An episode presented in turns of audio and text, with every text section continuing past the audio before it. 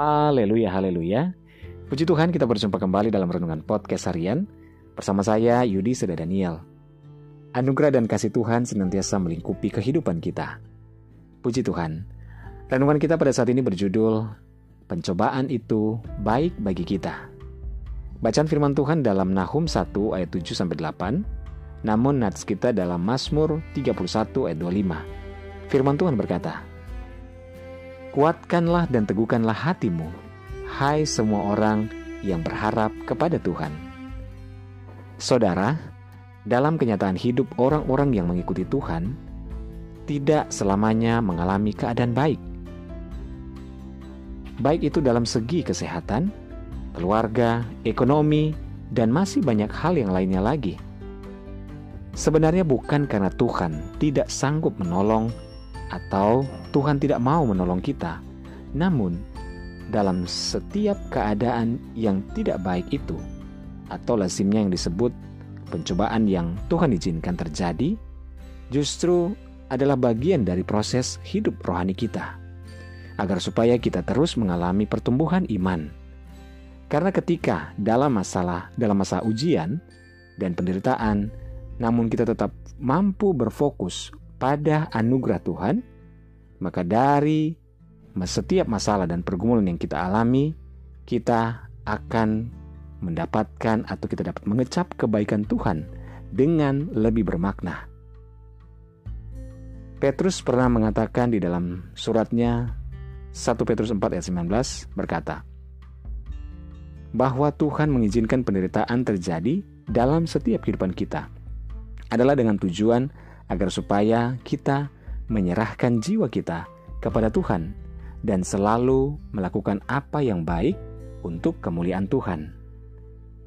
Karena itu, baiklah juga mereka yang harus menderita karena kehendak Allah, menyerahkan jiwanya dengan selalu berbuat baik kepada Pencipta yang setia.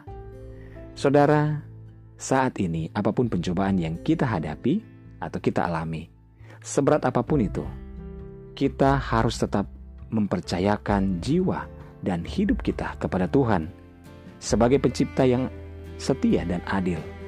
Sebab di dalam segala pergumulan dan di dalam setiap permasalahan yang kita hadapi, kita harus tetap beriman kepada Tuhan dan selalu percaya bahwa Tuhan itu ada dan Tuhan itu baik.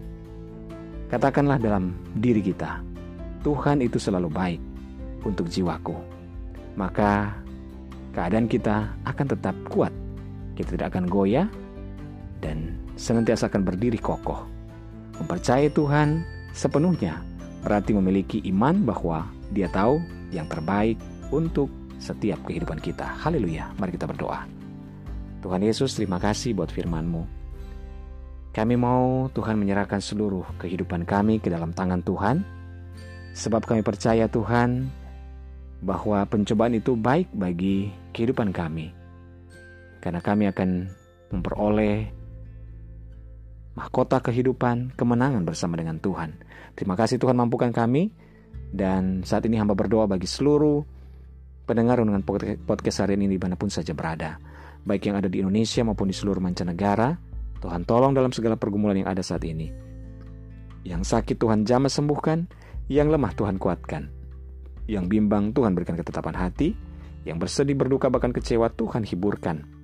Bebaskan yang terikat, lepaskan yang terbelenggu ya Bapa. Berkati setiap rumah tangga, keluarga, suami, istri, anak-anak, dan orang tua dalam anugerah dan berkat Tuhan. Terima kasih Bapa, kami percaya mujizat Tuhan terjadi atas hidup kami. Dalam nama Yesus kami berdoa. Haleluya. Amin. Puji Tuhan saudara tetaplah bersemangat dalam Tuhan, karena Tuhan ada menyertai dan memberkati kehidupan kita. Haleluya.